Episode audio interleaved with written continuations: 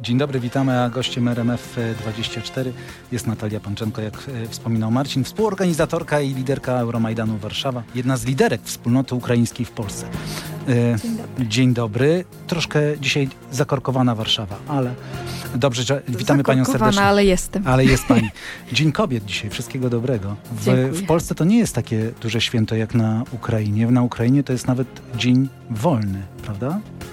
Tak, to do tej pory pozostaje dniem wolnym od pracy, ale nie powiedziałabym, że to się jakoś bardziej obchodzi niż w Polsce. A, rozumiem. Nie. Miałem takie wrażenie, że na Ukrainie to jest rzeczywiście duże święto. Jeszcze w czasach komunizmu pani nie ma prawa tego pamiętać. To było rzeczywiście bardzo duże, y, ważne święto. Jak to dzisiaj jest na Ukrainie? Dzisiaj jest tak samo jak w Polsce. Składa się życzenia. Kobiety mówią o tym, że e, prawa potrzebują? muszą być równe. Tak. E, raczej też ostatnio od kilku lat y, mówi się tak, że to jest dzień praw kobiet i raczej w taki sposób to się komunikuje i bardziej rozmawiamy o tym właśnie e, o jakie prawa kobiety do tej pory muszą walczyć, zwłaszcza w niektórych państwach, nie u nas, ale na przykład e, na Bliskim Wschodzie chociażby. I rozmawiamy o tym, co jest potrzebne. No w tym roku i ostatnie 9 lat też przypominamy sobie e, w tym dniu cały czas, że kobiety tak samo walczą na froncie jak no, mężczyźni. No właśnie, ale zanim o tych kobietach walczących na froncie, chciałbym porozmawiać o tych kobietach, które przyjechały z Ukrainy do Polski po 24 e, lutego zeszłego roku. Według różnych szacunków, według e, Urzędu na przykład do spraw cudzoziemców wynika, że 90% zarejestrowanych uchodźców z bazy PESEL to kobiety i i dzieci. Jak te kobiety się odnajdują, jak Ukrainki się odnajdują tutaj w Polsce? różnie. E, nie można w ogóle powiedzieć, że Ukrainki to jest coś. To jest jednorodna jedno. grupa. Tak, to nie jest grupa rodnorodna, tak samo jak nie jest grupą rodnorodną, nie wiem, grupa Polek chociażby. E, to są osoby z różnym wykształceniem, to są osoby z różnym doświadczeniem, to są osoby z różnymi historiami. Ktoś jest y, osobą, która musiała uciekać, ratować swoje dzieci, mąż, której walczy na wojnie, ale ona, ona na przykład nie doświadczyła przemocy, nie doświadczyła strasznych rzeczy. Ich dom owszem jest pusty, ale jeszcze jest. Ona y, pracuje zdalnie, y, na przykład w jakiejś korporacji międzynarodowej i fajnie sobie radzi, i dzieciaki fajnie sobie radzą. To są jedne przypadki, ale są tak, też inne są przypadki. Są też inne przypadki. Ktoś jest po strasznych przeżyciach. Mamy osoby, które doznały przemocy, osoby, które były torturowane, y, osoby, gdzie dzieci były torturowane na oczach matek na przykład, albo matki były torturowane czy gwałcone na oczach dzieci.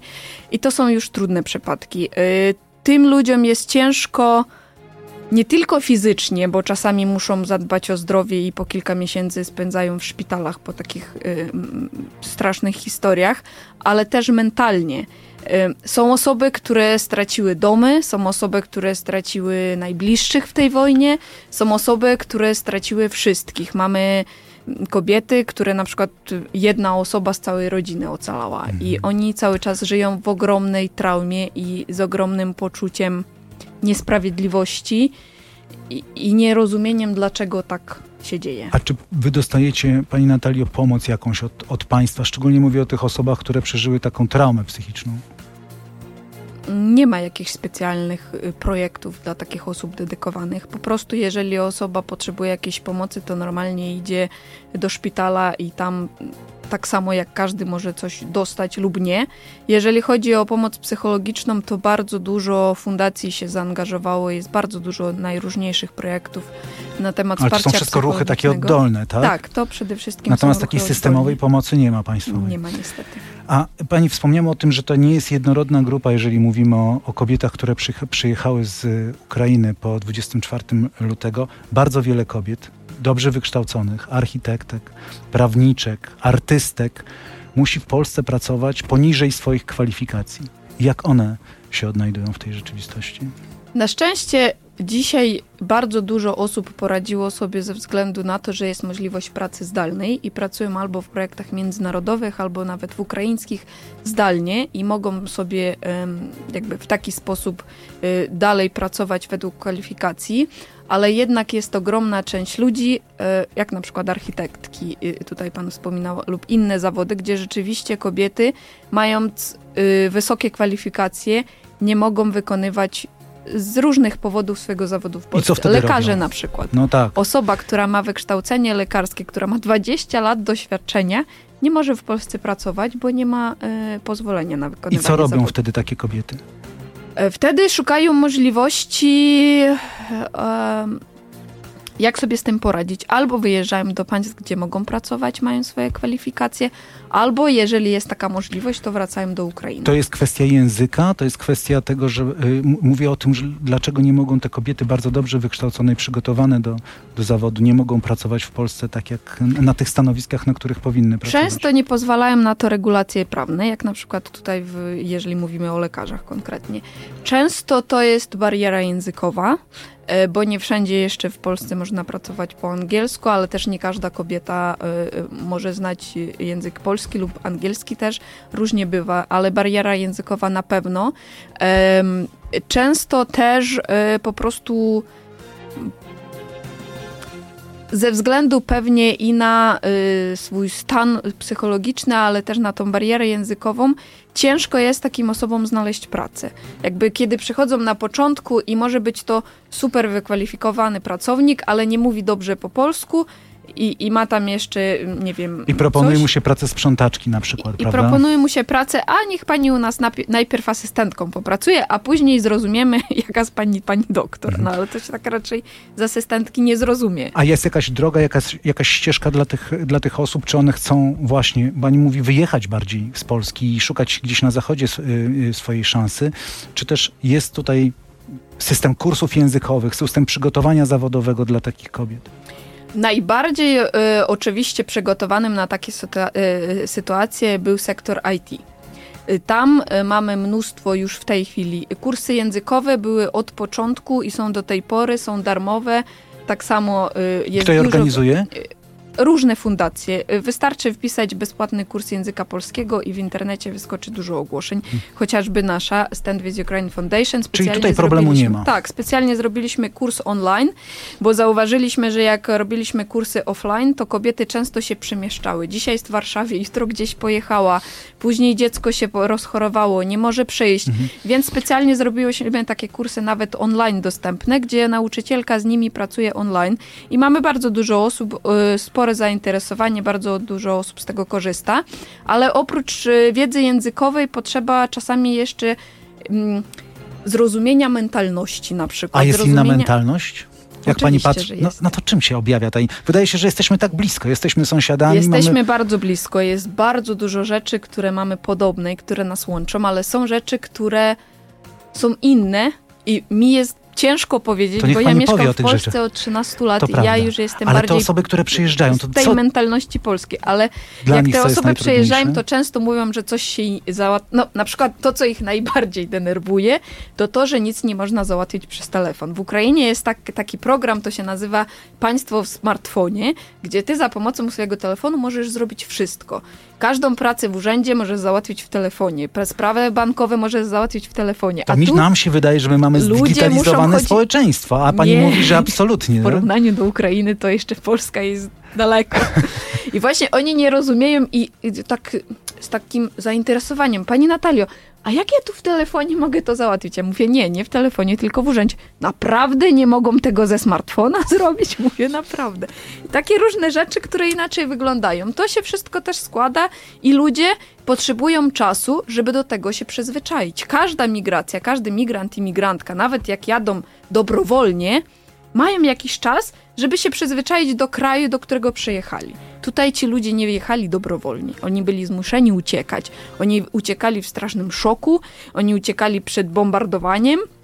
Dlatego ich psychika cały czas odpracowuje i przepracowuje ten ogromny stres, którego doznali i tak naprawdę doznają przez ten rok, a oprócz tego jeszcze muszą się zmierzyć z życiem migranta czy migrantki, o którym nigdy nie marzyli, którego może nigdy nie chcieli. Pani ma wrażenie, że ta społeczność ukraińska w Polsce coraz lepiej się organizuje?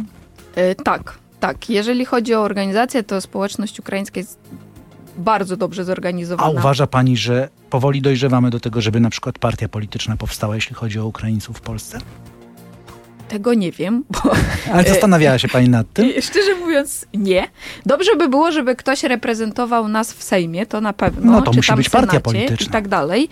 No właśnie tak teraz na głośno myślę, bo Mhm. skoro tak duża jest społeczność, no to ktoś miałby tą społeczność e, reprezentować, ale jakoś o tym nie myśleliśmy, pewnie dlatego, że większość tych osób i tak ma w tej chwili obywatelstwo ukraińskie, nie ma obywatelstwa polskiego, nie ma e, prawa głosu w Polsce, A więc... chcą mieć, chcą mieć też obywatelstwo polskie? Czy, czy to nie jest Ja myślę, najważniejsze że dla osoby, nich? które przyjechały rok temu raczej nie, ale pamiętajmy o tym, że przed 24 lutego 2022 roku już 2,5 miliony Ukraińców mieszkało na terenie Polski, więc to już dość dużo, yy, prawie 10% yy, obywateli.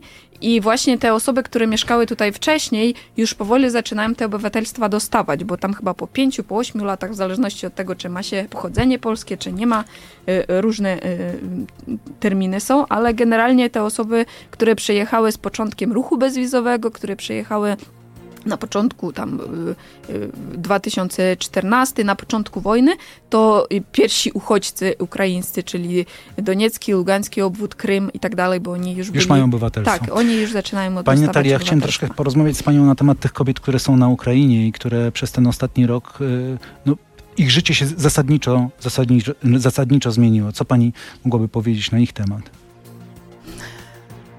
No co mogłabym powiedzieć na ich temat? Mogłabym powiedzieć to, że e, życie się zmi- zmieniło drastycznie. Mogłam powiedzieć to, że ani oni, ani my nie wyobrażaliśmy sobie, że to życie tak może się zmienić. I mogłam powiedzieć, chciałabym też powiedzieć, ym, zdążyć, y, zanim przejdziemy do tych, kto został w Ukrainie, powiedzieć, że w Polsce teraz jest bardzo dużo Ukrainek, Ukraińców, dzieciaków i, i mężczyzn też, którzy y, mieli prawo do wyjazdu. I ludzie często ich nie rozumieją, często coś im zarzucają i tak dalej. Dostrzega Pani takie nastroje antyukraińskie? To nawet czasami nie są nastroje antyukraińskie, po prostu ludzie nie rozumieją.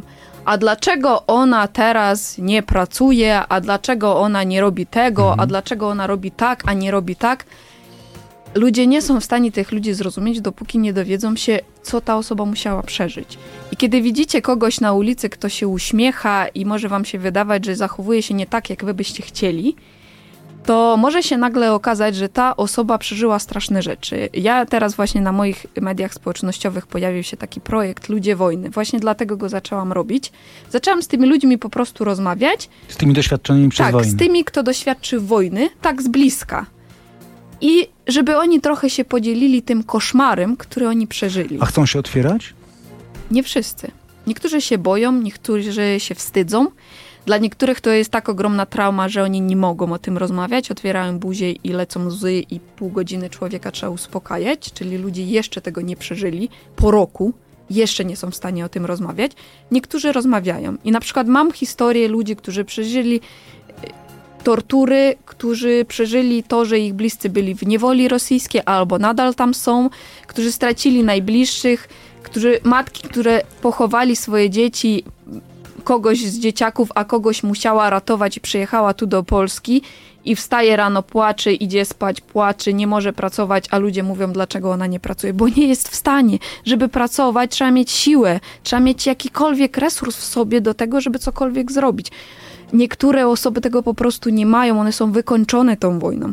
Jeżeli jej mąż jest na froncie, ona dwójkę dzieci pochowała, z trzecim przyjechała tutaj, o jakiej pracy można rozmawiać? Ona żyje w, w strasznym w ogóle szoku i stanie psychicznym. Ona musi najpierw odzyskać, odzyskać siebie, a jeszcze cały czas stara się coś dać temu dziecku, chociaż nie za bardzo ma co. Czasami to są takie historie, których my nie jesteśmy w, sobie, w stanie sobie nawet wyobrazić, a ktoś to przeżył. Dlatego jedyne, co chciałabym prosić, jeżeli ktoś kiedyś widzi przed sobą, czy to kobietę, czy to mężczyznę, kogokolwiek z Ukrainy, dziecko, które się zachowuje inaczej niż wam by się wydawało, że ma zachowywać, po prostu musimy zrozumieć, że nigdy nie byliśmy w ich butach i nigdy nie możemy osądzać, bo jak ja czasami słyszę te historie, to ja, ja naprawdę myślę, że gdyby mi się coś takiego przydarzyło, ja bym tego nie przeżyła. Ani moralnie, ani psychicznie, ani, ani fizycznie. Natalia Panczenko, współorganizatorka, liderka Euromajdanu Warszawa, jedna z liderek wspólnoty ukraińskiej w Polsce, była dzisiaj gościem Radia RMF24. Dziękujemy bardzo. Dziękuję serdecznie.